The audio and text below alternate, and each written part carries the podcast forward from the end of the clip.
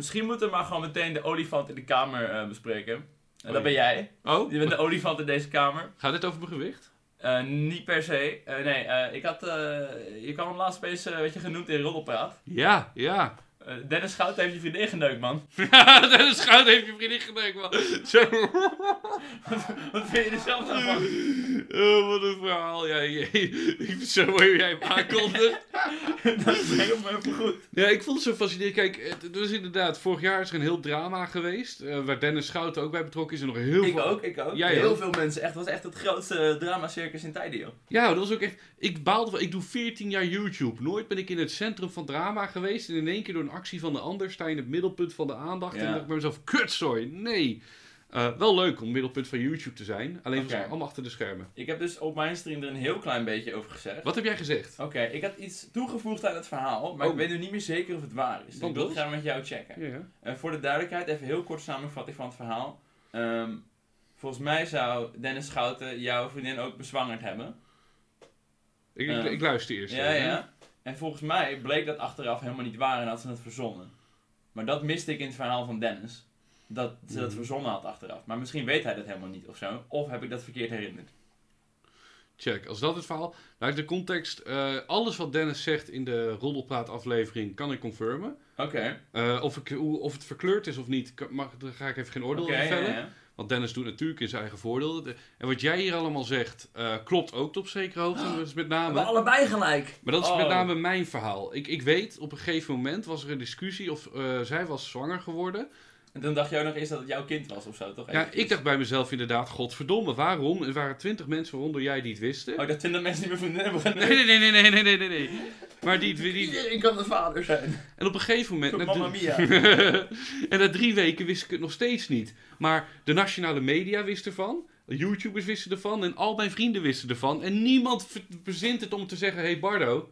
Misschien moet je eens even gaan kijken daar. Ja, ik, had, ik had dus een kleine ruzie met Bardo. Hij belde me op een gegeven moment heel boos op. Ja. Ik wist het dus vanaf de vriendin van Bardo. Die had om een of andere reden mij verteld dat ze seks had gehad met Dennis Schouten. Ik, ik kan je wel direct de reden vertellen. Zij had een tweet gedaan. En Harry, jij reageerde Oh, op die had een tweet. tweet van, oh, wat een drama, wat een drama. Ik, Ik denk, hey, drama. Dus ik meteen naar DM van, yo, wat is er aan de hand, wat is er aan de hand? En daar, daar trok ik een soort van grens. Ik zei, iedereen die zichzelf erin heeft geplaatst... kan de Ah, tering krijgen. Ah, dat was ik, shit. Ja, dat was ik wist jij. niet dat jij ermee te maken had. Ik wilde gewoon weten wat het drama was. Toen zei zij, yo, niet tegen Bardo zeggen, maar ik heb seks gehad met Dennis Schouten. En toen was Bardo dus boos dat ik het niet tegen hem gezegd had. Maar ze zei wel niet tegen Bardo Nou ja. Dus, ze heeft jou gezegd dat ze zwanger was van Dennis Schouten. Ja, maar de- En daar was ik toen boos over. Niet dat ze het seksgedeelte is daar Oh. toen, maar toen zei ik van ja, gozer, je weet dat er een kans is dat ik misschien vader word. Want hè, dan la la la. En daar was, dus het, eh, daar was ik echt pislink over. Dat iedereen wist dat ik misschien vader word, behalve ik. Maar voor mij was het zodra jij wist dat je geen vader werd, was je ook al gewoon klaar mee, toch? Dan was het oké, dan is het gewoon klaar, dan is het gewoon over tussen ons en dan ben ik weg. Of... Ja, het heeft wel wat langer geduurd dan dat. Maar eh, ja, het was, het was een lastige, moeilijke periode. Voor mij was het... Maar ik denk wel toen je wist dat, dat je niet eh, een kind ging krijgen, viel wel een soort van last van je schouder af. Nou, was in ieder geval die verplichting en de verantwoordelijkheid voor de rest van mijn leven ervan af, wat heerlijk is. Maar had ze nou verzonnen dat ze zwanger was of niet? Dat is de vraag. Ik kan jou, eh, op mijn telefoon heb ik een paar eh, zwangerschapstests nog staan en die kan ik allemaal laten zien. En het rare is, die zwangerschapstests, die zijn verzonden naar iedereen die geen moeder is. Er zijn mensen die hebben ook die foto gehad Ja. en die foto is naar mij toegestuurd. En omdat die foto op een gegeven moment bij mij is toegestuurd, kon ik dus kijken. En wat blijkt nou? Alle moeders die die foto niet hebben gehad, die heb ik laten zien, die zeggen, er is gewoon een streepje opgetekend. Kun je dat echt zien als, als een moeder zwangerschapsdeskundige? Nou ja, ik denk het wel, want wij hebben geen ervaring ermee. Dus je kan onze zwangerschapstest laten zien en we geloven het. ja. Maar vrouwen die doen dat veel vaker. Dus die weten hoe zo'n Die tekenen ook heel vaak zelf streepjes erop. die weten hoe het eruit hoort te zien. En eh, dat maakt de hele discussie een beetje wrang. Dat ik zeg, ja, maar je weet dus zelf ook nog steeds niet of het nou verzonnen heeft voor de aandacht of dat het echt zo was. We noemen trouwens bewust de naam niet, gaat er niet lastig vallen of zo, daar gaat het allemaal niet om. Het is meer dat Bardo opeens in dit verhaal gezogen wordt, want jij zit in één keer zo'n rolpraat Ja, met Dennis Schout heeft je vriendin gebald, dus jij moet je ook een beetje verdedigen of misschien iets zeggen of zo. om- ja, om mijn, mijn totale leefwereld even duidelijk te maken hiervoor. ehm, Wat wil je zeggen, Bardo heeft een nieuwe vriendin, die heeft geen seks gehad met Dennis Schout. Nee, nee, Er nee, heel nee, veel oh, verwarring van, yo, eh Bardo's vriendin, hoe groot is Dennis' piemel en zo. nee, nee, nee, nee. Dit is, dit is echt een hele leuke, lieve, mooie meid. En eh, ik ken haar vanaf december. Ik ken haar al veel langer, maar in december kreeg ik verkering ADA. Dus nee, dat godzijdank niet. En voor mij weer even, even alles terug naar punt nul. 2019 zat ik even helemaal doorheen, want eh 2017 en 18 waren gewoon kutjaren voor mij. Ja. Toen in 19 was ik alleen maar aan het blowen. Elke dag draaide mijn hele leven om, om blowen, wakker worden, vet vreten. Alleen maar negativiteit. Die periode heb je ook gezien in die bungalow. Ja, ja. Toen dacht ik op een gegeven moment, het voelde voor mij alsof ik telkens bungelde in een put aan een bungee touw. En telkens wanneer ik de bodem ga raken, knalde ik weer iets omhoog als een bungee touw. En toen dacht ik, fuck it, ik snijd dat touw door. Ik wil rock bottom raken, ook gedaan eind 2019. Toen begin 2020 kwam eh, het hele gebeuren met Kai van der Rey. En eh, dat hele gebeuren van Kai van der Rey, dat is natuurlijk de reden hoe hun in contact zijn gekomen, mijn ex en Dennis. ja, het ding is inderdaad dat jouw eh, ex was ook betrokken bij het Kai van de Ree verhaal. Ja, ja, ja. En destijds, Dennis, die kon Kai van der Rey niet benaderen. Dat heeft hij ook zelf duidelijk gemaakt. Dus heeft hij eh, contact gezocht met de slachtoffers van Kai van der Rey. Ja. Wat raar is, om dan met de slachtoffers van Kai van der Rey vervolgens aan te gaan pappen. En ja, die, ja, dus, Ja, dat is... Oh, die chick van het seksschandaal. ja zin om precies. een drankje te doen? Exact, dat is niet heel veel journalistieke integriteit. En eh, het getuigt een beetje dat je zegt, ja, dit is wel even... je neemt een risicootje, Dennis. Maar vooruit. Ehm, vanaf daar dus dat. Daar barstte een beetje de relatie tussen mij en haar. Eh, februari liep het echt eh, totaal verkeerd. En vervolgens een paar weken later, later hoorde ik dus dat ze zwanger was. Eh, van Dennis. eh, Of van jou. of van mij. En het, het is groot, het is echt een babycarousel hoor. Dat kan ik uiteindelijk zeggen. Dus niet alleen ik en Dennis. Er Eh, nog meer vaders bij betrokken, toch wel? ja, geen commentaar, maar het was een heel groot ding geworden uiteindelijk. En het was heel raar, want ik weet nog toen ik eh shownieuws opbelde met de anonieme tipredactie. Dat is heel vaag, want ik was, Wilde jij ze tippen of was je Nou, boos? ik was woedend. Kijk, ik was woedend. Ik dacht zoiets van, oké, dit verhaal van Kai is in de media geweest. Ik ben boos op mijn ex en op Dennis. Fuck iedereen. Ik ga zorgen dat dit naar buiten komt. Is iedereen de lul? Want als dan Kai kapot is gemaakt, Dennis kapot is gemaakt, ben ik in ieder geval veilig. Dit is fucking naar. Dus daarom, ik begon te bellen. RTL Boulevard, Telegraaf, King Alert, allemaal gebeld. Allemaal hetzelfde gezegd van, joh, als jij het niet doet, geef ik een Telegraaf. En dan, nee, ik heb alle dingen. En uiteindelijk eh, was klapper op de vuurpijl ook de anonieme shownieuwsredactie. Eh, en wat zeiden ze? Ja, nee, zij heeft onszelf al gebeld. Ik, wat? Wat? You what? You, you, you just what at me? Huh? Dus schijnbaar is er zelf gebeld naar de shownieuws tipredactie om deze tip door te geven. Toen dacht ik, ja nee, wacht eens. Ik denk dat dit een, bijna een gerichte actie is op Dennis om hem Ja, kapot zo te kwam maken. het leek het wel erg ook vanuit mij. Dat ze, zij stuurde mij ook allemaal voice-opnames van Dennis. Oh, ze heeft dat bij jou gedaan, ja? Heb je de voice-opnames gehoord? Nou, ik wou het zelf niet aanhalen, maar ja, die heb ik, ik heb ze ook op mijn telefoon. Ja, het zijn, ge- zijn geen fraaie opnames wel. Dat kwam Dennis niet heel goed uit. Nee, alle gesprekken, alle telefoongesprekken zijn Ik opgenomen. snap het wel, zeg maar, vanuit Dennis' perspectief. De, de, de voice-opnames zijn voornamelijk gewoon Dennis die zegt... Yo, wanneer ga je abortus plegen, vriend? Ja, van, Groeten van Dennis. ja. maar was ook, hey, ik ben zwanger. Oh, wat leuk, hoe ga je het kind noemen daar? Ja, is heel grappig. Oh, grappig. Had altijd een kindje gewild. heel, heel sarcastisch. Ja, En toen op een gegeven moment zat hij op, yo, ga je vanavond die abortus doen of niet? Schiet even op, eh, het duurt een beetje lang. Ik snap het wel, als, als, als, die abortus gedaan is, hij er vanaf, is het gezeik klaar, nooit meer bellen, blokkeren, eh, lekker iemand anders zoeken, te veel gezeik dit. exact. En eh, dit is dus het fact aan dit hele verhaal. Dat, dat ehm, wat ik denk, wat de narrative die geschapen is, is dus de headline die moest komen, is slachtoffer Kai van der Rey, eh, gedrogeerd en vervolgens ook bezwangerd, verkracht door Dennis Schouten. Ja, dat Dat- wilden zij ervan maken eigenlijk. Dat is wat ik meekreeg van RTL Boulevard en zo, waarom hun het niet deden, omdat hun het niet vertrouwden. En de shownieuwsredactie ook niet, zelfs King Alert niet.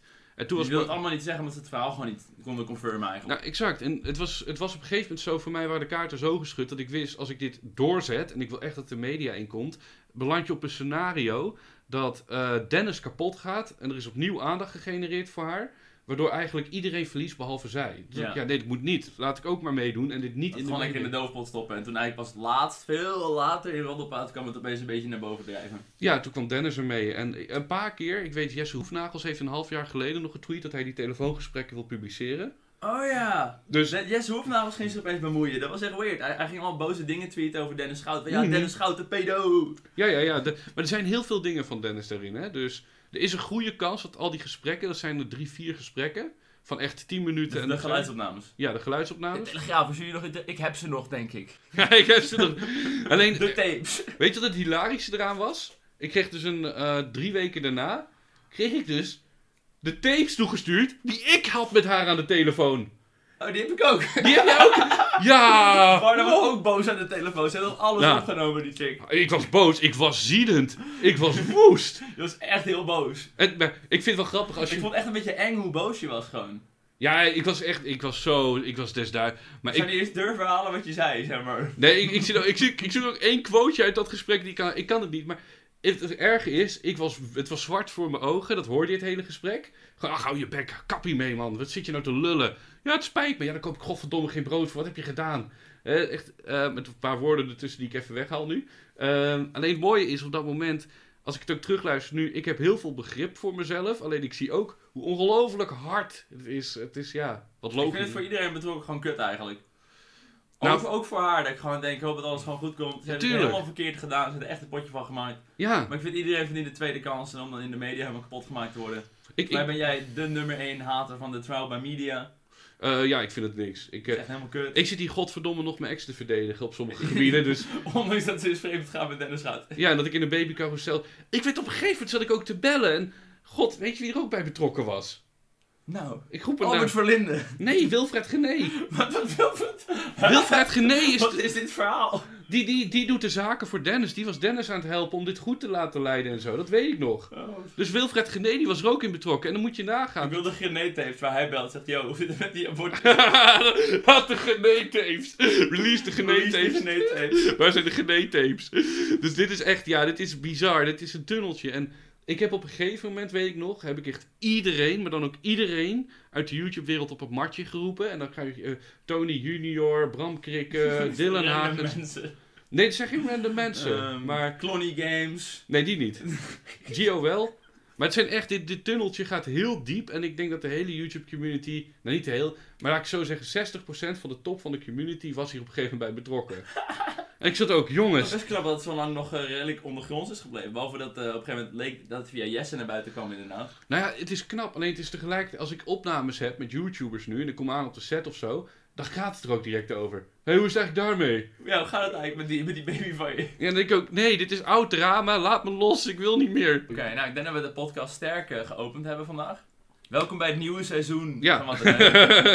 Ehm, Dan wil ik misschien eh, mijn, mijn eh, toppetje erin gooien. Of wil je er Ja. nog wat over zeggen? Eén laatste disclaimer. Het is allemaal goed. Zand erover. Eh, laat het lekker rusten. Zowel voor Dennis als voor haar. Het is denk ik voor iedereen het beste. Het is gebeurd. Verleden bestaat alleen tussen je oren. Dus klaar. Oké. Dan wat ik heb gedaan deze week. Ja, let's go. Ik heb gisteren een fles champagne gekocht Oeh, champagne? van 350 euro. Wat? Exact. Nou, ik was dus Ernst en Bobby aan het kijken op stream. Wat Oké. Ik wilde graag Bassie en Adriaan kijken op stream.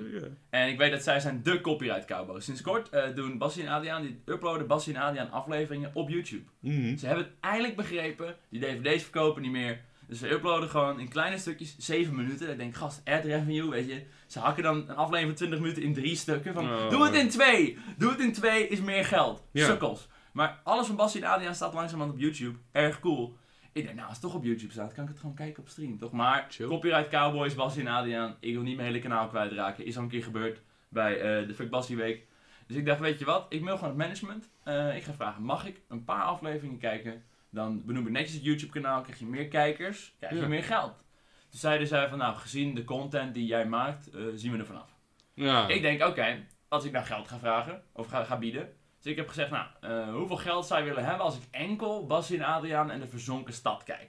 Mhm. Daar heb ik al nostalgische gevoelens aan. Achteraf dacht ik, ik had beter voor de reis door Europa kunnen vragen. Misschien toch wel iconischer, herkenbaarder. en ik wacht op reactie van management. Bassie staat er ook onbekend, die echt een geldwolf is. Natuurlijk. Ik denk, dit gaat goed komen. En toen zeiden ze nog steeds, we zien er vanaf. En dat vond ik eigenlijk wel integer. Dat ze gewoon zeiden, we vinden Bassie en Adriaan kinderprogramma niet bij je passen. Dat ze ook niet zeggen, oké, voor 1000 euro mag het wel. Ja, vond ik eigenlijk wel weer goed. Vond ik eigenlijk wel weer netjes van ze. Dus ik heb gewoon mijn verlies ingeslikt. Toen zei ik, oké, fuck Bassie en Adriaan, we gaan Ernst en Bobby kijken.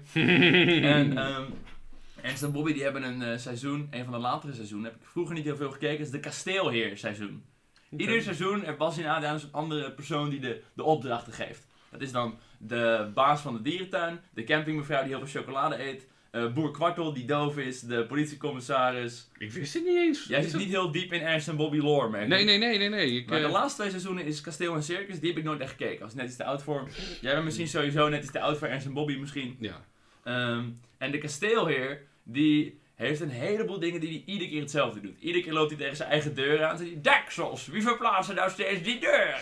Vond ik grappig. En op het einde zegt hij altijd, Ernst Bobby, ben je eeuwig dankbaar, tijd voor champagne. En dan stapt hij in zijn auto en dan opschiet crasht hij de auto. En dan zegt hij, "Arr, ik ga wel lopen. En dan loopt hij weg. En dan is iedereen gelukkig. En in één specifieke aflevering gaan ze ook champagne voor hem halen. En dat is dan een Dom Perignon uit 18 nog iets of zo. De duurste champagne die er is. Toen opeens dacht ik, oh ja, die dingen worden duurder met de tijd. Mhm. Eh, wat is een recente? Kan ik een eh, 2019 eh, Dom Perignon eh, kopen? Toen ben ik een beetje in het hele champagne eh, hol beland. Blijkbaar kun je niet ieder jaar Dom Perignon halen, want ze maken alleen champagne als het een goed jaar is voor de druiven. Mhm. Ze zijn een beetje van de ja, authenticiteit. Ze willen geen champagne maken die goor is. Eh, ja, het is gewoon een high-class merkie. En Mhm. toen dacht ik, misschien... Ik had, ik, ik had toen een fles gevonden uit 2010. Die was dan 120 euro of zo. Mhm. Maar dat ik, het is veel leuker als ik een fles heb uit mijn eigen geboortejaar. Oeh. Dan eh rijpt hij met me mee. Dan Wacht, ga ik hem waarschijnlijk nooit drinken, maar dat is wel cool of zo. Voordat jij wat zegt, jij bent geboren in 96? 95. Ah, bijna. Ja, 95 was blijkbaar een goed champagnejaar, want we hebben Dom Perignon 1995. Dat was een fles van 350 euro. Oeh. En toen was ik heel erg aan het twijfelen van, nou, zal ik het doen, zal ik het doen? En toen eh doneerde iemand 350 euro, zei, koop die kutfles. Nee! Dus, eh, ik heb nu eh, van die gasten donatie heb ik een, eh, een fles Dom Perignon gekocht. Ik heb wel gelezen dat champagne in tegenstelling tot wijn niet per se lekkerder wordt met de tijd. Oh. Dus, Huh? En je moet ook eigenlijk bewaren de juiste temperatuur, de juiste ligging. De temperatuur moet niet omhoog en omlaag. Dus Jezus. waarschijnlijk wordt hij gewoon heel goor. Als ik hem jarenlang eh, laat liggen. Ik ben gewoon onder de indruk dat iemand 350 euro naar je Ja, ik ook, ik vond het ook helemaal lijp. Maar ik heb nu een fles en dat is best wel vet. Als mensen bij mij thuis komen, als die fles, oh ja, dat is een, een Dom Perignon 1995. Wat goed. Ik ga hem waarschijnlijk nooit drinken. Het is een decoratief eh, flesje. Maar ja, als iemand jij maar wat Oh. geld geeft, dan kun je hem niet, niet halen. Zeggen, Nee. oh, denk je over de 350 euro. Ik ga er Nee. lekkere koken en hoeren van kopen. ja, ja, ja. Dus ik, ik heb dat gedaan. Ehm, voor de rest in de uitgavenhoek. eh, ik vrees dat ik voor mijn moeder een caravan moet gaan kopen. Wat dan? Nou, ik heb die subathon gedaan. eh, dat ik eh, heel lang live ging, eh, flink wat centen geharkt heb. Ja, ik En toen vroeg Joost nou op een gegeven moment van... Ja, Ludwig, de Amerikaanse streamer, die, oh, die geeft al zijn geld aan het goede doel. En aan zijn moderators. Wat ga jij doen met het geld? Oh, Nee! Dus ik werd een beetje voor blok gezet van ja, kut. ehm, ik ga het zelf houden eigenlijk. Ik hou wel van geld. En toen opeens dacht ik van, nou ja, in principe, ik heb jarenlang bij mijn moeder thuis gezeten en die heeft me heel erg gesupport in het streamen, weet je. Ik kon vaak midden in de nacht nog best wel luid zijn, dat ze wakker werd en dacht kut Rick en weer ging slapen, weet je wel. En mijn moeder wilde graag een nieuwe caravan en zit sowieso echt bijna een jaar lang thuis met corona, dat ze nog steeds met de Maar conditie jij- en zo zit. Zit je met je sparen boven de 20? Ja, makkelijk. Ja, oké. Makkelijk. dan kan je het missen. Dan kan je Eh, het dus ik had zoiets van, ik kan het in principe missen als ik gewoon al het geld van deze subathon pak en ik pomp het gewoon in die caravan. Dan lukt het wel. En ik had toen dus gezegd eh, tegen Jeugdjournaal, dus op stream. En ik dacht, nou weet je, ik hoop gewoon dat mijn moeder het niet hoort. Dan zit ik er niet aan vast. Nee! Dus mijn oma die appen met, ja leuk eh, van je moeder. En dan zit nu bij de visio, dus voor mij heeft ze het niet gehoord. Eh, allemaal nog leuke verrassingen en zo.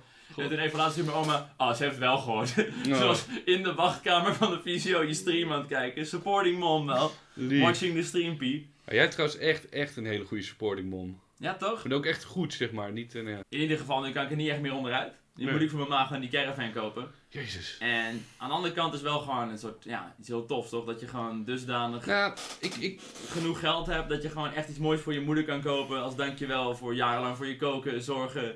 Weet je wat ik zo Ehm. fascinerend vind? Ik, ik wou het eigenlijk volgende week meer met je erover hebben. Maar omdat we dan over de media gaan, tv. Ja. Maar ik heb dus nu sinds kort een nieuw management. Ja. En ik zei net heel flauw even een dis naar jou gegooid. Wat half inaccuraat is naar deze maand. 17.000 heb je gegroeid, man. Tering, tyfus in volgers. Ah, echt? 17.000. Dat is gewoon... Poe, poe, poe. Als je het verdubbelt, 40.000 is de grootste YouTube-kanaal in groei per maand. En jij zit op Twitch op 17. Ja, er zitten ook wel veel bots tussen, maar die zijn misschien weer verwijderd. Ik heb geen idee. Je moet wel de statistieken kijken. Het is niet, Ja, eh, of zou hier- niet zo hoog moeten zijn. Ik, ik zie ook 20k voorbij. Maar dat is bizarre getallen voor een platform als Twitch. En ja. het Nee, ik heb deze week, dit is echt een grote flex. Ja, ja? Deze week heb ik meer kijkuren dan Enzo Knol in de afgelopen maand op Twitch. Hey, fuck us. Nou, hij zei ook Oh wel veel minder vaak live eh, dan ik. Dus in dat opzicht is het misschien nog wel een beetje te doen. Maar ja, als je kijkt dat Enzo... Het is wel Enzo Knol. Het is fucking. is ook- En ik, het, voor mij krijgt hij goed betaald voor Twitch om daar te streamen. Je legt hem Ik zo... zit hier gratis. Ja, daarom. Nou is mijn contract. Ja, nou, kijk, het punt is, ik zei daarnet ook tegen jou van ja, kijk, de cijfers op mijn dieptepunt, waar ik nu nog altijd op zit, zijn gelijk aan jouw hoogtepunt. En dat enige waar dat nu nog dat feitje kan gelden is op Instagram eventueel. Ja. Dat wij, wij allebei 3.000, 4.000 eh, likes halen. Maar als ik kijk naar andere dingen, ben je nu wel echt ver voorbij gegaan. En dat Ja. vind ik fascinerend. En het knappe vind ik uit mijn hoogtepunt. Het hoogste wat ik heb verdiend per maand ooit op YouTube zal denk ik. Nou, 11.000 is echt de max. Maar ik denk. Was het grotendeels AdSense had je nog een paar goede campagnes die maanden? Nou, we hadden natuurlijk op een gegeven moment Bardas Film gebeuren, Veronica. eh, we hadden Duisternis Smoesjes. Dus er waren ook een klein. Hoeveel geld heb je nou verdiend met dat boek? Met dat boek valt het volgens mij vies tegen. Ik heb nu van de laatste paar De jaar. winstmarge op één zo'n boek is niet zo hoog, toch? Nee, is 1 of 2 euro. Per boek. En Ja. is dat boek 15 euro of zo. Precies. En we hebben er geloof ik iets van du- 10.000 verkocht. Nou, loop je wel binnen met die 2 euro. Ja, dan heb je uiteindelijk 2000 euro. En ik weet 20.000 euro. Sinterklaas versus. Oh ja, 10.000 sorry, nee, nee, sorry, dat moet ik even anders vertellen. Heb ik dan krijgt dan, 20 eh, cent per boek. Nee, maar ik, ik, ik zit dan. Ik, ik weet niet wat. 20.000 heb ik nooit gehad ervoor. Ah, moet je toch even contact opnemen met de Bruna. de Bruna. Turinglijers. Nee, nee, weet je wat het is? Eh, ik weet gewoon de meest. De enige productie waar ik het meest aan heb verdiend ooit is Sinterklaas versus Kerstman. Omdat hij zoveel views heeft. Ja, die zit nu op 5,1 miljoen en dat zou zo'n 6.000, 7.000 euro zijn. Ja. En dat is dus zwaar winstgevend. Eh, maar het, het knappe vind ik in ieder geval van wat jij nu doet, ook over die caravan en zo. En ik vind het mooi dat je het kan betalen. Want ik weet uit mijn hoogtepunt, ik heb te weinig gegraaid. En dat klinkt heel erg naar. Sorry had voor de... commerciëler moeten zijn. Ja, jij bent goed commercieel bezig nu. Jij doet ook dingen, vind ik, zoals laatst die Raid Shadow Legends heb je heel leuk aangepakt. Ik zag ook je Ubisoft avond met trefbal wat je deed, geloof ik, of zo. EA, maar ja, ja. Of EA, sorry eh, Ubisoft, Eh, EA is beter bij deze. Maar het, het hele mooie vind ik eraan, je bent bezig, je verzamelt geld en dat is, ja, het is cool dat je kan geven. Ik heb dat nooit kunnen doen, geld weggeven, omdat ik alleen maar Ja. moest investeren. Nou, ik voel me wel echt heel erg Gio nu. Zo dan, ik koop iets duurs voor mijn moeder type beat. Maar ik wil het dan niet zo haar vertellen op camera en dan filmen mijn moeder haar. Ja, ja, ja, Dat, dat deel we er even bij. Het is gewoon puur dankbaarheid naar mijn moeder. Tuurlijk ga ik wel even een foto plaatsen op Mm. Instagram van mezelf met de sleutels van die caravan met cadeautje voor mama als, eh, als caption of zo. Tuurlijk. toch het is ook een beetje wel een kleine flex. Maar eh, hoe zit het voor jou? Want ik, bij jou even moreel gezien of symbolisch gezien, jij loopt over die lat van, van eh, wel of niet te commercieel, loop je heel dun overheen. Ja, vooral op mijn YouTube kanaal. Ik upload gewoon te weinig. Dat is het. Maar Dus ik heb gewoon contractueel dat eh, een paar bedrijven zeggen, hey bro, waar blijft de video? En ik zeg, oh, kut, kut, tering, tering. Mhm. Het is gewoon net een beetje kut. Dus ik probeer ook nu een klein beetje weer de remmer op te gooien. Dat, er moeten gewoon meer normale video's komen om Ja. de gesponsorde shit te compenseren. Ja, ik kan- altijd te haat op mensen die op Instagram eh, meer reclames posten dan ze daadwerkelijk gepost hebben. Maar jij kan toch ook gewoon een editor in dienst nemen? Eh, De editor is echt niet het probleem. Het is echt puur gaan zitten en de video opnemen. Leuke ideeën hebben. Jij De toch editing is echt niet het probleem. En sommige dingen worden ook wel geëdit. Ik heb Ja? al wat editors.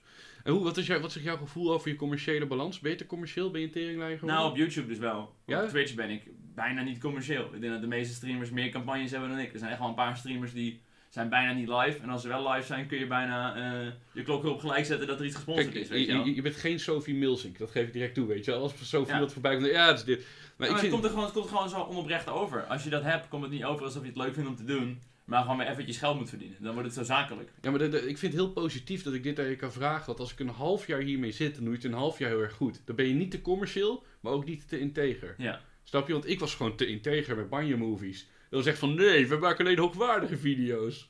Ik doe alleen voor of heel veel geld, of iets wat mooi. Nou, flikker op, man. En dat vind ik heel tof van jou. Dus leuk van die caravan, want sorry. Dat, daar, daar had je het uiteindelijk over, ja, voor daar je ging het moeder. voornamelijk over. En wat, eh, ja, je moeder, wat gaat ze ervan zeggen? Heeft ze al iets opgegeven? Nou, ze stuurde net naar me toe van, hé, hey, wanneer gaan we de stream doen waar we de caravan gaan uitzien? nou, dan heb ik gewoon die streamtas mee, gaan een beetje door de caravans heen. eh, is dit een mooie, moet er een grote keuken in? Heb jij de film eh, Snatch gezien? Nee, die moet nog steeds kijken, staat hoog op mijn op Kijk, kijklijstje. die, als jij een caravan voor je moeder gaat halen, Brad Pitt, die hele film gaat erover dat Brad Pitt een caravan voor zijn moeder gaat Oh, wat fixen. leuk. Dus dat is echt, en ik ga je niet vertellen wat er gebeurt. Als je wil zien, kijk hem vooral.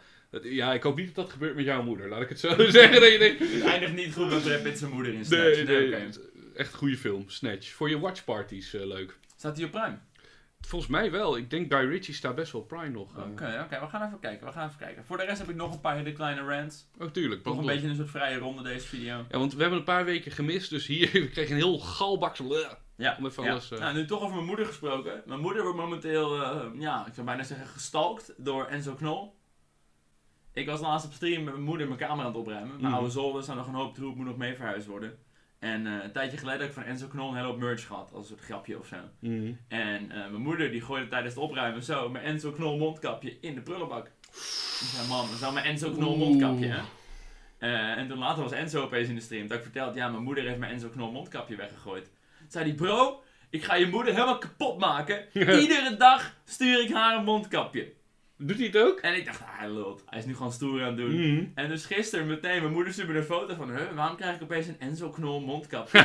Want hij heeft gewoon mijn adres, want ik heb die kleren toen op, op mijn moeders adres laten bezorgen. Ik ben nu verhuisd. Oh. En hij heeft ook echt bij naam zo, Rick's moeder. Alles heeft hij Rick's moeder. En vandaag heeft ze ook echt de tweede binnen. Hij zegt, de hele maand lang ga ik iedere dag een mondkap sturen naar je moeder. Ik vind wel echt, Enzo is zo geweldig aan het opdrogen hier zo. Ik vind echt, Enzo is de laatste paar maanden, weken bezig om van het kinderlijke imago af te komen naar echt een leuke entertainer. Nou ja, het ding is, eerlijk gezegd, ik ken Enzo pas persoonlijk. Ja, ik heb hem een paar keer gebeld en kort gesproken. Bij Banjo Town ook geloof ik ooit. Ja, ooit, maar weet je wel, ik, ik kende Enzo eigenlijk alleen maar van de filmpjes. Dus ik vond hem altijd gewoon die ene hele bekende vlogger. Ik vond hem altijd een beetje stom. Maar nu ik hem steeds meer persoonlijk spreek, vind ik hem best wel gewoon een hele geinige gozer met een goed gevoel voor humor. Ja, hij is, hij is gewoon creatief. En Sommige mensen met te veel geld, die kunnen daar gewoon heel grappig mee doen. Die zijn niet te serieus en die kunnen daar gewoon een beetje mee kutten. ik denk hetgeen wat ons afschrikt, alle, voor ons allebei aan Enzo, is dat hij misschien iets ondernemender is dan ons twee. Ah, misschien. Hij heeft meer zakelijk inzicht. Maar dat moet ook wel. Ja, Enzo is wel iets, Hmm. iets tactischer wat hij bijvoorbeeld zegt op een livestream. Ik merkte wel, ik had Enzo te gast in mijn livestream toen. Ik merkte wel dat hij altijd een beetje op, op eieren loopt. Ja, ik, Als hij praat, ook in een talkshow of op radio, je merkt gewoon dat hij wel bezig is met: oké, wat kan ik nu wel en wat kan ik niet zeggen. Maar ik snap het ook, want hij is de hele dag in het nieuws. Als hij iets Ja. zegt en hij glijdt uit, is het meteen nieuws. boem, ben je de lul. Jij kan gewoon hier een hele racistische rant houden en niemand hoor je erover. nee, dat boeit het niet meer. Oh, die ene die tien jaar geleden... Misschien een paar kijkers die zeggen: oké, Bardo is super racistisch. Ja, Die kijken we ook niet meer, maar behalve dat. Alles wat Enzo doet is nieuws, dus ik snap ook wel dat hij voorzichtig is met wat hij doet. Ik vond het zo fascinerend ook, want jij ging, jij, bij je stream die je toen had, had je allemaal mensen uitgenodigd die je heel open benaderde. En dat deed je ook bij Enzo. Alleen dat deed je zo open dat hij een beetje op de kast sprong. Waardoor het iets meer een interview Ja, een beetje een interview, een meer gesprek. in een gesprek. Maar het was zo leuk, omdat die houding die Enzo gaf tegen jou erin, zorgde voor spanning in het gesprek. Ja, Waardoor ik dat toch, dat ik stel interview... ook een paar stoute vragen. Vooral dus eh, vlog 707. Ken je vlog 707? Anders moet ik hem even laten zien. Ja, ja, wat is de er? eerste paar seconden van vlog 707? Vlog 707, is dit Vlog een... eh, 707 is echt een kleine meme op mijn kanaal nu. wat, wat gaat er gebeuren bij Oké, vlog? ik vroeg Enzo, wat gebeurt er in de eerste paar seconden van vlog 707? Ik ga hem er nu bij pakken. Komt ie hoor, niet schrikken. Niet in mijn kont heet hij. Oh ja, het ijsje, ja, ja, ja. Woep. De eerste vijf seconden gaat zo'n deur open. Zo Ja, ja. met zijn broek, zo doggy style broek naar beneden. En stopt deze zo een ijsje in zijn reet. Ja. Dat soort dingen. Ik vond het spannend van, oké, ik wil Enzo niet boos maken. Ik vind het leuk dat hij inbelt. Mag Mhm. best maken. Maar ik vond het dan wel leuk om toch een beetje te kijken van, oké, wat vindt hij oké? En als, als ik het niet leuk Mhm. vind, een ander onderwerp, weet je. Wat, Ik ben wat zei hij hierover dan? hij ging wel heel hard lachen. Hij zei, shit, moet ik de vlog nu offline halen? Maar ik denk dat hij het belangrijker vindt dat ze gewoon... Dat er niet één vlog mist in de playlist van duizend video's. Ja. Boeien. Ja, ik snap je volledig. Hij zou het vandaag de dag niet meer doen, denk ik. Ik zat dus te denken, wat zou ik met Enzo willen bespreken? Toevallig had ik het er laatst over, omdat we bezig zijn met een formatje voor Banjo. En ik was heel benieuwd, als je hem ooit weer spreekt via je livestream, vraag hem eens naar de eh, rechtszaak tegen de man uit Groningen. Was dat die gast die zijn merch verkocht? Exact. Want ik kan me Ik niet... fuck, zou ik fucking boos zijn. Nou, ik, ik, ik, ja, ik zou zeggen, hey, wil je ermee kappen? Hij ging verder, wil je er echt mee kappen? En die man ging nog een derde keer verder. Hij ging gewoon door ook. Ja, nu moet je, en toen kwam de rechtszaak. En ik ben benieuwd, wat vindt Enzo? Want Enzo komt ook uit een arbeidersgezin. Hij komt uit Drenthe, Hard uit Assen. geld. Ja, dus hij weet hoe het is om op die markt te staan. Ik denk dat Enzo heel veel empathie ervoor heeft. Maar Aan de wat, andere kant voor die man gewoon. ja, voor die man. Alleen wat zorgt ervoor dat Enzo toch zo boos wordt dat hij een marktkoopman uit Groningen. Ja, want hij doorgaat. Ja, Als hij gewoon gestopt was met, yo, dat is mijn logo. eh, ik heb mijn eigen merch. eh, je mag het Mhm. misschien van mij kopen en daar met 5 euro winst misschien nog verkopen. ja maar er moet, Misschien iets, nog. Er moet toch iets zijn bij Enzo. Want Enzo heeft ook een moreel besef. Hij, heeft, hij is volgens mij best empathisch. Dus waar is voor Enzo de grens dat hij zegt: ja, je, nu, nu ga je echt. Dit is de derde keer, dat was voor Enzo dan. Maar dan moet je gewoon kapot. Dan wordt het gewoon een rechtszaak. Hij moet gewoon stoppen. hij moet gewoon Dan kapot. wordt het gewoon een dwangsom met als je nog een keer Enzo Knol merch verkoopt. Dan wordt het gewoon per dag 1000 euro boete en dan ben je er gewoon vanaf. Ja. En ik ben dan benieuwd hoe zo Enzo het verwoordt. Want ik kan me denken dat Enzo zich ook rot voelt. Die denkt ook, ja kut, ik wil niet zo'n man uit Groningen voor... Nou, ik denk dat ik best wel boos zou worden op die man als hij gewoon door blijft gaan. Maar, De, de Ja. eerste keer voel je misschien een beetje schuldig, want ja, hij heeft gewoon een lekker handeltje opgezet. Hij heeft Ja. misschien nog duizend eh, zelfgemaakte Enzo Knol truien liggen. Tuurlijk, tuurlijk. Dan voel je je kut, maar als hij gewoon door blijft gaan, zou ik steeds meer denken, fuck die gast. Ja, Iedere keer dat hij doorgaat, verlies je een stukje respect en op een gegeven moment is het op. Ja, maar alleen, weet je wat het kutterige is? Als Enzo zo'n man aanklaagt, zo'n man heeft veel minder geld dan Enzo. Enzo kan dat missen en die man is dan zwaar de lul. Ja, zo'n rechtszaak is wel pijnlijk. Ik hij moet gewoon stoppen. Maar daarom zeg ik ook, het moreel besef bij Enzo is volgens mij echt wel aanwezig. En ik hoop gewoon, weet je wat het is? Eén ding nog over Enzo, wat mijn verdediging altijd is, waarom ik hem echt geweldig vind. Hij heeft ook genoeg na- nadelen, maar ik vind veel meer positieve dan negatieve. Ah, ik weet, Enzo was vroeger, dat weet je ook nog wel, dat hij op zijn kamertje zat te roken, te blowen, te drinken, Ja, met ja. kanker te schelden en te pokeren. Ja, dat zijn mooie, mooie momenten. Dat zijn goede eh, highlights. en op een gegeven moment zei Milan, hier heb je een camera. Enzo ging dagelijks vloggen en elke vlog wou hij wat maken. Dus elke dag moest hij wat maken van zijn dag. En zo is Enzo Knol begonnen. En dat doet hij nu al zeven jaar lang. Hij Ik doet... een keer een Enzo Knol Circle Jerk hier. eh. Ja, nee, maar ik vind, Oh, Enzo, je bent zo goed. Ja, ik vind, ik vind van Enzo, ik zei ook dat hij negatieve dingen heeft lul. Maar ik vind het gewoon goed. Hij doet hetgeen wat iedereen van droomt. Je leven stilleggen en elke dag het mooiste maken. En dan krijgt hij daar gezeik over. Dat ik denk, godverdomme. Zeker waar, zeker waar. Nou, ik wil alleen even aanhalen dat hij mijn moeder eh, mondkap Oh ja, daar ging het. Was je moeder. eh. Eh, niet per se of hij een goed persoon is of niet. Dat is allemaal niet heel relevant. Sorry. Dat, Maar wel leuk. Ik vind het goed. Leuk humor dat hij dat doet bij je ma. Wat ik dus heb nu. Ik ben gisteren mijn eerste livestream begonnen op Twitch, hè? Oeh, spannend. Ja, ja, mocht je het zoeken, Bartje Bo. ehm, misschien inmiddels alweer Bart Doelens, I don't know. Maar het leuke vond ik eraan, en dat vind ik ook echt, dat ik in één keer begrip krijg voor, voor de chaos die jij over mijn leven hebt geflikkerd. Ja, is het allemaal mijn schuld nu opeens? Nou ja, jij hebt af en toe wel. Ik Ik weet. ben, ik ben ooit begonnen met YouTube door jou, dus in dat opzicht Ja, oké, true. krijg, krijg je weer tikkie terug. ja, nu ben ik weer op de Twitch begonnen door jou. Het, het grappige was, gisteren zat ik daar en ik meen het, dit is serieus. Jij hebt nu het jeugdjournaal-item gedaan. En ik zat al te twijfelen. Morgen komt Rick met die stream. Ik, volgende week zijn de Oscars en ik wil heel graag bij de Oscars gaan livestreamen. Weet niet, mag je dat doen? Nee, maar ik mag wel kijken met de timer in beeld. Oh, dat mensen gewoon mee, ook live meekijken, twee schermpjes. En ik weet, die dinsdag daarna is Koningsdag en twee weken daarna is het Ja, dat Songfestival. zijn leuke momenten om eh, content te maken. Zeker. Exact, dus ik wil die dingen doen. Ik wil, ik wil Songfestival, Koningsdag en Oscars. Ik moest beginnen, ik zag die video voor jou, dus een beetje Twitch ook via jou begonnen nu. Oké. En het grappige vond ik gewoon hoe fucking veel shit ik inmiddels heb gelekt over mezelf. Je adres en zo. Ja, nou, niet, niet, niet, niet adres, maar wel al mijn e-mailadressen. Dat ik dacht, kut, sorry. Ik klik, Al je e-mails. ik klik, dan sluit je zo'n tabblad en dan staat er nog een tabblad open van de e-mail. Ja, En dan je. ik, kut. Oh. Een dikke tip die ik je zou willen geven is gewoon heel vaak als je tussen tabbladen wisselen bent, altijd eventjes eh, full cam aanzetten. Altijd even dat mensen alleen jou zien. Ja. Ik heb zo vaak dat ik even denk, even gauw Twitter openen, want ik wil een bepaalde DM pakken. Mhm. Nou heb ik soms dat de recentste DM iemands telefoonnummer is. Ik heb dat Enzo stuurde mij in een Twitter DM of een Instagram DM zo zijn nummer. Oh, En dan stuur ik even gauw even bla bla bla dat in de preview in het lijstje Ja, niet precies. het recentste bericht is. Maar Dat is Dat zijn dingen waar je van moet leren hoor. Dat zijn echt fouten die je maakt. Nou. Je gaat vol op je bek, je legt iemands nummer en je leert ervan. Geloof mij, dit, dat heb ik wel geleerd. Want, maar bij mij, ik heb dat via jou. Ik stond bij jou in Twitter altijd. Was mijn nummer het laatste bericht wat wij Maar hadden. had ik jouw nummer gelekt? Het was, Ja. jij, het was jouw nummer die ik zo gelekt had. Ja, de hele tijd. Maar ook echt vijf weken, elke week een keer. Dat ik zeg, godverdomme. ja. en ik was ook te lui om zelf even dat te veranderen. Fuck, stop. Gewoon ja. enkel stop naar in DM. Wil je ophouden, Rick? Ja, want dat lijkt me ook kut voor jou. Hoeveel dingen heb jij al gelekt nu? Eh, heel veel. Is je huidige adres nog geheim? Ja, nee. Eh, ik had op een gegeven moment de camera ergens neergezet en die stond zo op mijn eh, keukenblad. En Nee. dan nog een brief van de Belastingdienst naar Billy. Met gewoon ons nieuwe adres erop. Oh. En één keer, tot momenteel iedere keer ik met die streamtas weg doe ik mijn vinger zo op de lens. Als ik Hm. eventjes de paar straten naar mijn auto loop. Ja, slim. Eén keer was ik gewoon zo afgeleid dat ik het gewoon vergeten was. Iemand zei, moet je niet eh, de camera afdenken? Zo, ah ja, ah ja, ah ja. oh, kut, hè. Oh, Maar deze... ja, mijn vorige adres was letterlijk te vinden op Google. Dus in dat opzicht, eh, daar heb ik nooit heel veel last van gehad. Loop maar Ja, los. het punt is vandaag, jij bent nu vandaag de hele dag aan het livestreamen. En ik vond wel chill dat je je vinger op de lens had uiteindelijk. Om even, want er zijn dus hier mensen, dus serieus, nu ik bij Davy woon. Er is één fucking buurman. En dat is echt een fucker.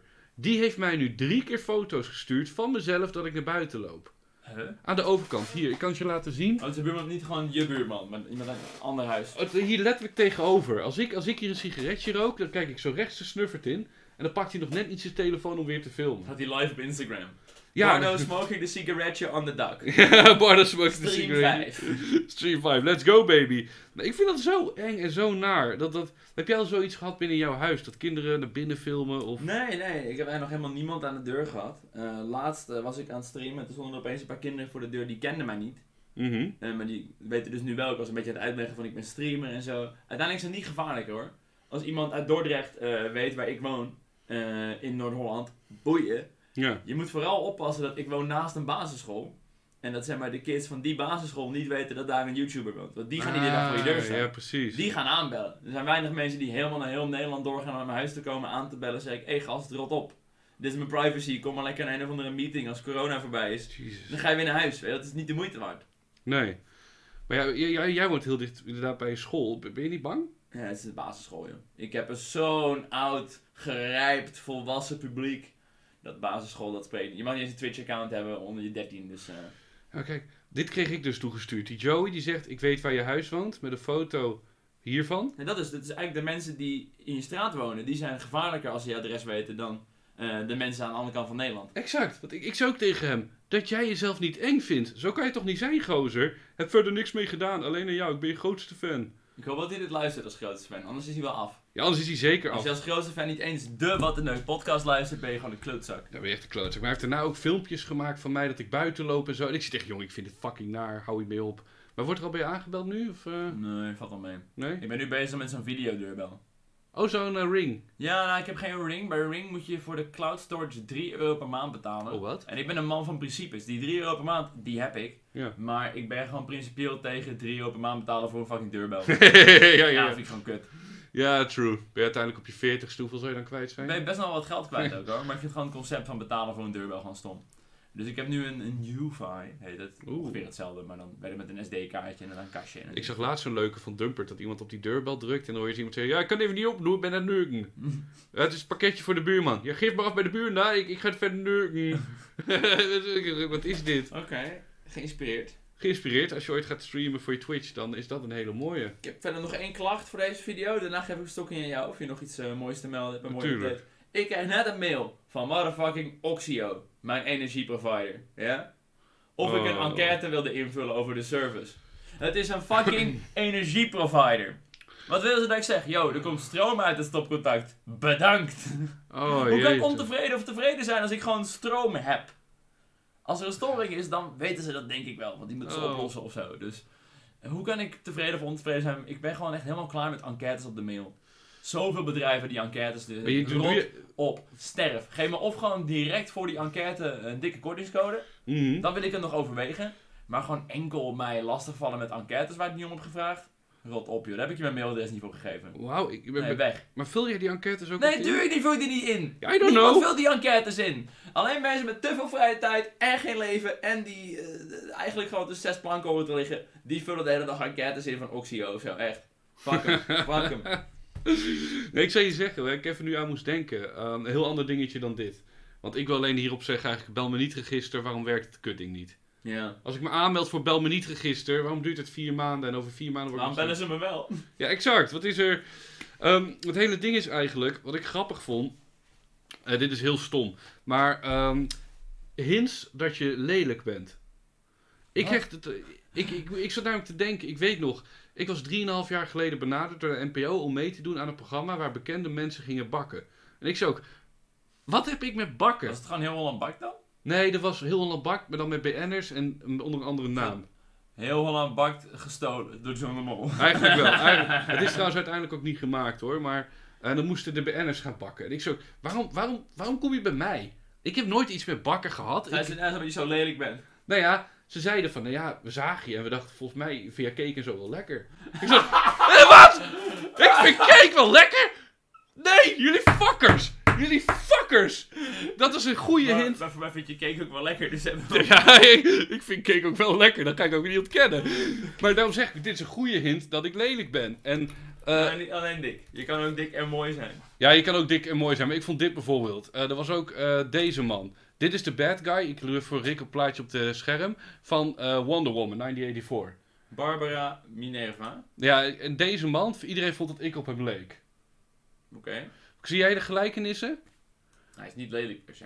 Nou ja, ja, het punt is een beetje, de acteur hiervan, eh, dat is natuurlijk eh, deze man.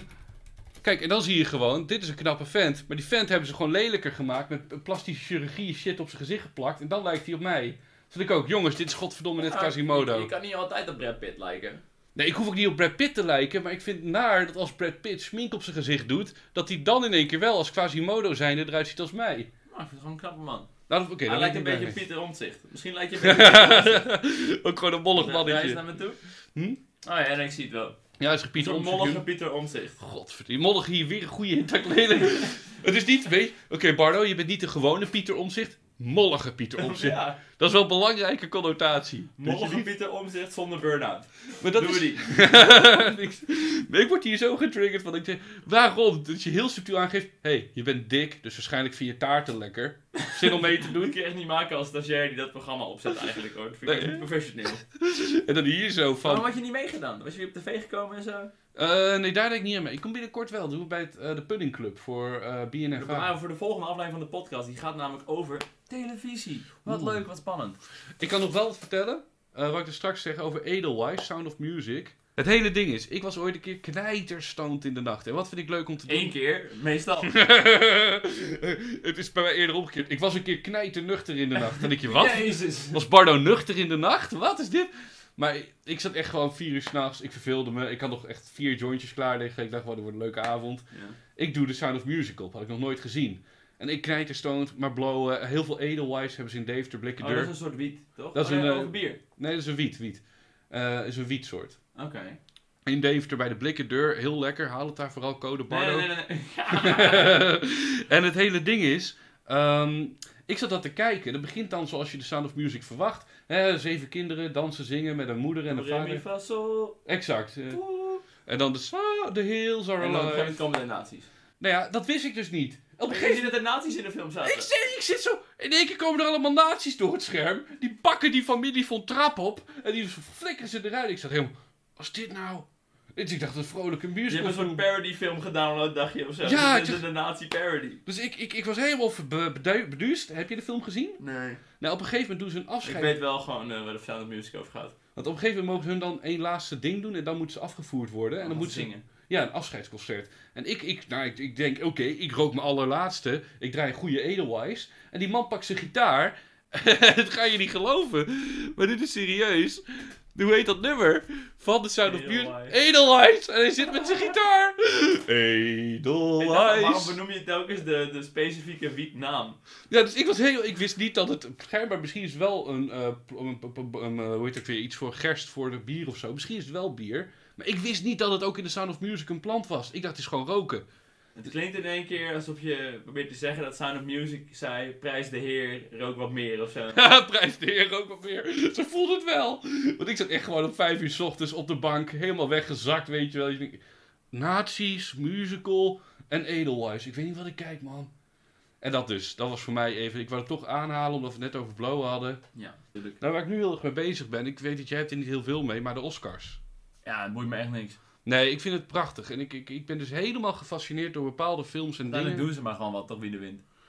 Of Ja, nee, het knappe bij Oscars is, je moet een film maken die heel minimalistisch is. Die over één specifiek onderwerp gaat. En eh, dat op een unieke wijze, op simplistische wijze duidelijk maakt. En ik vind, de winnaar van dit jaar wordt waarschijnlijk Nomadland. Dit is gewoon een kutfilm. Zijn er niet zoveel films uitgekomen, toch? Nee, dat is ook een ding. competitie. Er is te weinig competitie. Maar er, is ook, er zijn ook goede films. Is bijvoorbeeld eentje die heet The Sound of Metal, vond ik heel erg leuk. Gaat over een eh, drummer en hij verliest zijn eh, geluid. Of zijn hoorvermogen. Dat vind ik wel interessant. En de Dat is een hele, mooie film. Precies, maar op een gegeven moment doet hij dan die oortjes in. En dan hebben ze een hele goede audiobewerking gedaan. Dat je alleen maar de dingen van zijn oortjes hoort. Waardoor je dus als kijker echt meegaat in hoe kut het is om al je audio te verliezen. Je vriendin die gaat bij je weg. Nou, door de film heen hoor je ook minder geluid of zo. Precies, precies. En de, alle Oh. stemmen die je gaat horen worden heel erg robotachtig. Wauw, oké, die moet misschien een keer checken. Ja, dat, zeker. Is, eh, Amazon Prime trouwens. Oeh. En oh, als je Amazon Prime... Er zit er één bij, jongen. Who's Me News staat op Amazon Prime, dames en heren. nee, dat is eh, My Octopus Teacher. Is dat nou weer dan? Dit is er één. Dit is iemand. ehm, ik zal even het geluid uit. vrienden met een octopus? Ja, hij wordt echt vrienden met een Dat is octopus. een hele intelligente wezen natuurlijk, ja. Ja, maar ik wist dat niet. En op een gegeven moment, die octopus, die gaat hij een jaar, anderhalf jaar lang gaat hij die octopus volgen. En we zien dus die octopus eh, bezwangerd worden. Hier zie je die octopus liggen op de grond met schelpjes. En hup, weg is hij. Maar hij mag ook echt meezwemmen met de octopus. Dat is het heel mooie. ziek. En er, ook, er worden ook aanvallen gedaan op de octopus door haaien. En nou, hier zie je hem dus hoep. Dit is echt... Als dit niet beste documentaire wint, Heeft hij dan een GPS-trekker op zitten of zo? Nee, nee, nee, maar die octopus die gaat elke dag naar hetzelfde plekje om te schuilen. Oh. En het grappige is, ergens na een half uur of zo laat hij, ja dit is ook zo mooi, dan gaat hij op zijn hand zitten. Maar na een half uur of zo laat hij per ongeluk één keer zijn GoPro vallen. Ja. En die octopus schrikt daar zo van dat hij voor goed verplaatst naar een nieuwe plek. Oh nee. En dan moet hij dus zoeken naar die nieuwe plek van de octopus. En die vindt hij ook nog. En denk je, oh. Oh, wat fijn. Alleen het is, Had ja, toch gewoon moeten injecteren met zo'n 5G-chip. ja, toch wel. Het is. Ik wist dit echt nooit over een octopus, hoe slim die beestjes zijn en hoe mooi. En deze shots ook. Maar dus eigenlijk wilde je gewoon eventjes eh, gauw opperen. Jij denkt dat eh, ehm, de Metal en Octopus de Oscars gaan winnen. Nou, ik denk dat Nomadland de Oscars wint. En als ik één film mag aanraden, de docu raad ik deze aan. Sound of Metal is leuk op Amazon Prime. En de film waarvan ik hoop dat die gaat winnen, is Promising Young Woman. Nou, niet gezien. Nee, Kijk helemaal niks.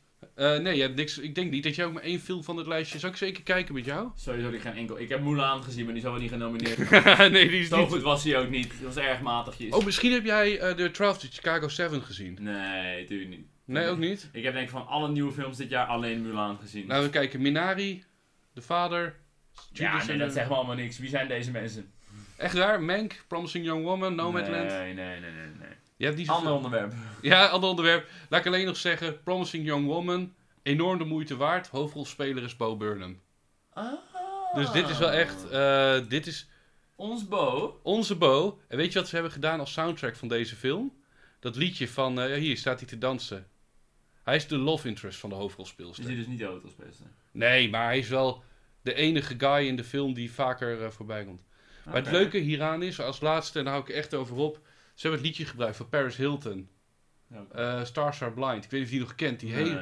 Paris Hilton had ooit een nummer 1 hit. En ik vond het zo cool dat ze die gebruiken. te- dat eh, vond ik leuk. Oké. Heb jij nog eentje waarvan je zegt... eh, Ik heb net echt een heleboel die balletjes op zitten gooien. Ook nog gezegd, ja, de Oscars bestaan.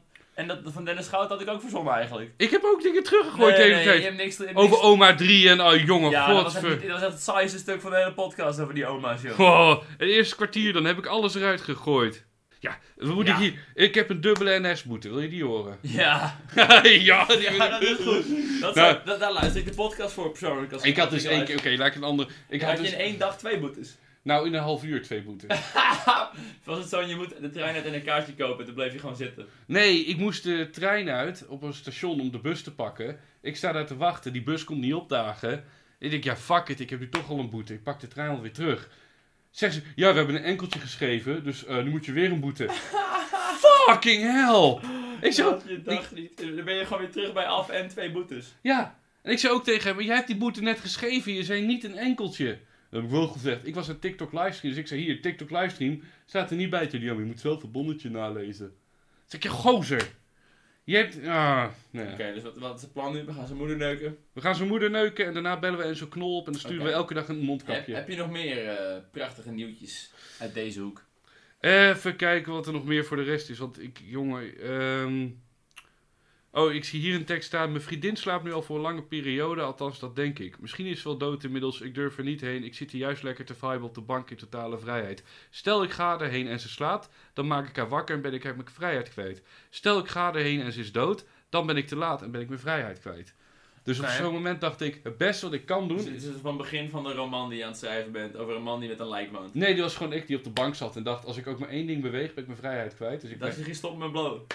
ik ging stoppen met blowen. Ik zat juist lekker veel te blowen. Dan moet ik wel zeggen, oké, ik zie hier eentje. hè. Dit is prachtig. Ik, ik doe even... Dit is echt een hele rare video van de NBA-speler uit eh, Amerika, WNBA. Dit is van een vrouw. I got something to show y'all. So for the NCAA March Madness, the biggest tournament in college basketball for women, this is our weight room. Let me show y'all the men's weight room. We zien nu heel veel spullen bij de mannen, niks bij de vrouwen. Waarom heb je überhaupt de, de Now, gewichtruimtes? our weight room got released versus the men's, the NCAA came out with a statement saying that it wasn't money, it was space that was a problem. Let me show y'all something else. Here's our practice court, right? And then here's that weight room. And then here's all this extra space. If you aren't upset about this problem, then you're a part of it. Waarom kunnen ze niet gewoon in één ruimte sporten? Dat is de echte vraag. Waarom de fuck hebben ze een losse sportruimte voor mannen en vrouwen? Ja, dat is in Amerika, omdat je hebt de NBA en je hebt de WNBA. Dus de Women's National Basketball Association en je hebt een eh, National Basketball Ja, Association. fix dat gewoon even samen, joh. Ja, het kan wel, alleen die vrouwen moeten snel op het Want het grappige is waarom ik dit filmpje ook had gedownload destijds, omdat ik het interessant vond. Mijn Dus broer... eigenlijk is het dus gewoon dat de Women's National Basketball Association gewoon skeer is. Je Ja, moet gewoon meer moeite doen. nou, het Maar punt- het is, maar het, het zou, ik zou het raarder vinden als hetzelfde bedrijf de mannen heel veel halters geeft en de vrouwen niks. Maar nu zijn het twee losse bedrijven, dus het ene bedrijf is gewoon kut. Ja, het was Die doen gewoon niet genoeg. Dan is het niet per se een soort directe keuze van oké, mannen goed, vrouw slecht. Nee, dat ook weer niet. Maar het, grappige is, mijn, mijn broer is natuurlijk basketballer en die heeft zich heel erg in verdiept en alles. Ja.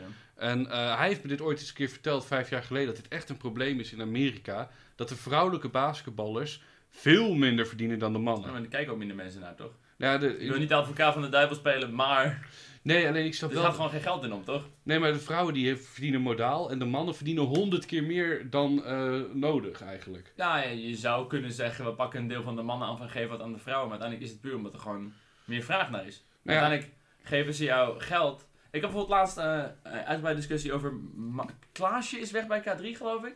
Zoiets, ja? Ja. Ik voel me heel erg af, hoeveel krijgt Klaasje van K3 betaald? Aan de ene kant K3, groot, super mega. Aan de andere kant, iedereen wil bij K3. Het is een hele grote wedstrijd, je Ja. wint. Dus je kan prima zeggen als Gert veel. In principe levert K3 mij eh, 300.000 in de maand op. Ik geef jou 4.000 in oprotten. Ja. En als je die leuk vindt, ga je maar weg. Dan pakken we een ander meisje. Ja. Dat is het toch? Uiteindelijk is er gewoon... eh, Of denk- jongetje tegenwoordig. of jongetje. Uiteindelijk is het puur dat die mannen krijgen zoveel geld omdat een club zoveel geld wil betalen voor die Mm. speler. Dus Ja. blijkbaar willen clubs gewoon niet heel veel geld betalen voor vrouwelijke spelers, want er gaat geen geld in om. Ja, logisch. is ook niet per se een soort direct seksistisch iets, het heeft gewoon te maken met vraag en aanbod. Als je daar een probleem mee hebt, moet je denk ik gewoon de vrouwelijke basketbal gaan kijken Ja, maar je kan- erover zitten zeiken. Maar je kan, wel zeggen in dat scenario wat jij net schetst, dat je beter zelf de bres op kan gaan, tijd en moeite investeren in een vrouw, dat ze net zoveel verdienen als een man en daardoor Nou, je ziet dus wel dat omdat die vrouwen bijna amper kunnen trainen, dan gaat het niveau ook omlaag. Ja. Er zijn stap mensen die kijken geen vrouwenvoetbal, want ze zeggen ja, het ziet er niet uit. Het voelt alsof ik een amateurvoetbal Ja, aan het kijken ben. Ik weet, er was toen een keer een eh vrouwenelftal van de voetbal eh, en die hebben ooit een keer gespeeld tegen een, een club uit, ja, dat verhaal ken ik, dat ze helemaal ingemaaid werden door echt zo'n eh, jongere club. nou, de- uit de derde divisie van het land. En dat was heel gênant. En dat was het nationale team en die kwam ook heel ver op het EK. Dus het niveau van hun voetbal is gewoon derde divisie. Ja. En dat is heel tragisch. Nou ja, ik weet niet of één wedstrijd dat zou bewijzen. Nee. Wel heel anekdotisch. eh. Ja, als, ik, als ik het nationale elftal van Duitsland zie verliezen van het eh, na- regionale team van Schagen, dan zou ik wel zeggen: Ah. "Hmm, hmm, Dit is raar, jongens. Scheiße, Deu- Schade Duitsland. En het punt wat ik wil maken was: deze vrouwen in Amerika met de basketbal waren toen zo boos dat ze een onderzoek zijn begonnen. Hebben ze ook opgestart. Eh, is er heel gebeuren geweest. En uiteindelijk is het voor de rechter gekomen. Oh. En toen zei de rechter: Ik heb het document gelezen. Eh, de stadions waar jullie in spelen zijn gewoon leeg. Dus dat kost heel veel geld om die open te krijgen. Er zit niemand, er kijkt niemand. NBA die investeert al het geld in jullie. Dus als jullie eerlijk uitbetaald willen worden, dan ben je de helft van je salaris Dan krijg kwijt. je nog minder. Dan krijg je nog minder dan je nu krijgt. En die vrouw, oké, oh, ja, genoeg hiervan, we gaan verder. En dat was echt zo'n Ja, dingetje. er zet gewoon echt wat extra gewicht in neer voor die dames. Ja, de, de moeite is ook. Het ziet er gewoon lullig uit. Je, is- je hebt het filmpje er niet bij, met, je hebt zo'n gigantische zaal, echt een sportschool eigenlijk, en dan zo'n ene rekje met halters. was ongeveer een beeld dat je zag net. Ja, want het is gewoon het PR-beeld vanaf de da- eh, ja, het staat WNBA. gewoon slecht, van een slecht imago. Precies, Daar moet je ook in investeren. Het is een beetje alsof je kijkt naar voetbal en je ziet nog iemand met een handschoenen van een koeienblaas. En je zegt, nou, misschien kan je gewoon handschoenen kopen in de winkel. Doe Ja. gewoon even, Ja, dat ja, dat. doe even gewoon iets rustigs. Heb jij nog plannen voor het nieuwe seizoen nu? Want we zijn bijna op het einde van de eerste Het aflevering. nieuwe seizoen van Wat de Neuk. Van de Wat een Neuk. Je zegt, Eh, ah, dit... wanhopig op zoek naar meer onderwerpen. Ik moet zeggen, ik had op de subreddit natuurlijk gevraagd voor meer onderwerpen. Mhm. Tot nu toe nog niet heel tevreden met de inzendingen. Maar ik ben ook heel kritisch hoor. Ja? Wat ben ik kritisch, jeetje, jeetje. Wat, jeetje. eh, waar moet ze aan voldoen? De sappigheid is het... eh, Nou, ik moet er vooral een uur over kunnen lullen. Dan zeggen ze, oké, doe een podcast over communisme. Dan denk ik, oké, daar kan ik vijf minuten over praten en daarna wordt het gewoon saai. ja, nee, is toch zo?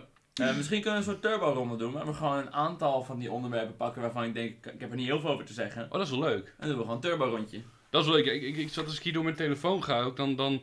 Ik bedoel, ik zie het hier ook. Jezus feestdagen. Ik weet niet of je dat ooit met je hebt doorgenomen. Dit is ook... kan ik heel weinig mee voor de rest. Ik haal het wel even aan. Ik vind het gewoon stom dat al onze feestdagen christelijk zijn.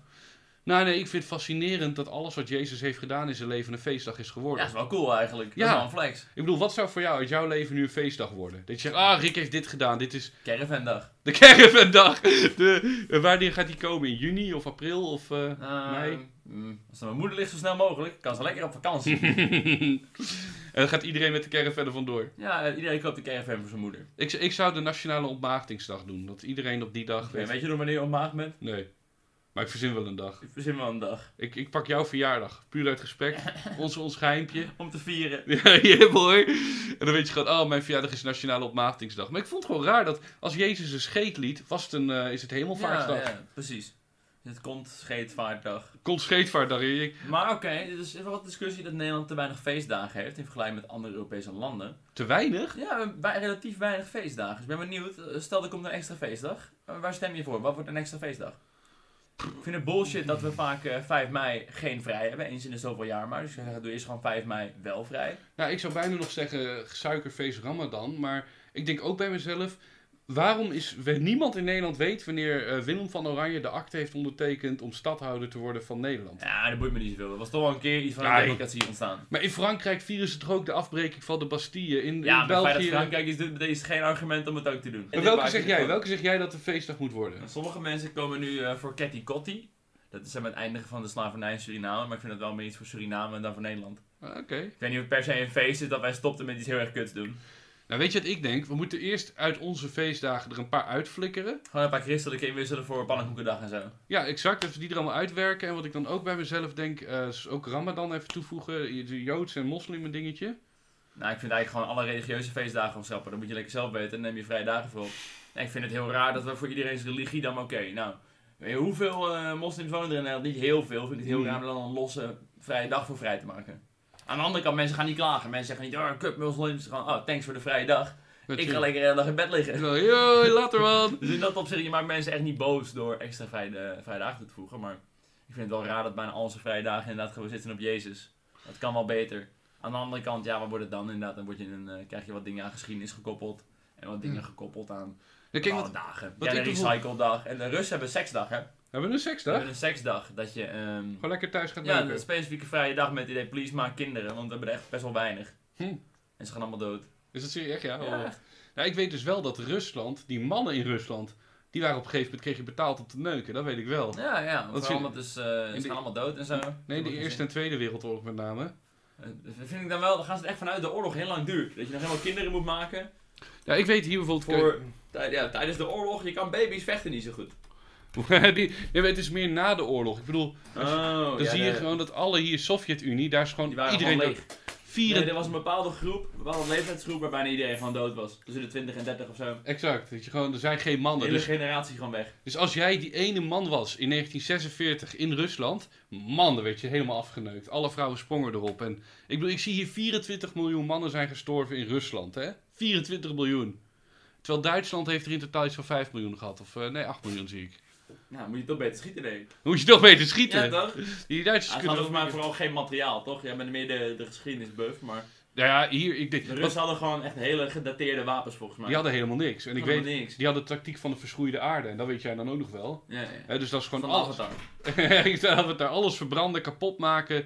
En het was winter en ze hadden geen eens een jas. Ze hadden een paar van die Kalashnikovs. Daar staan de Russen dan bekend om.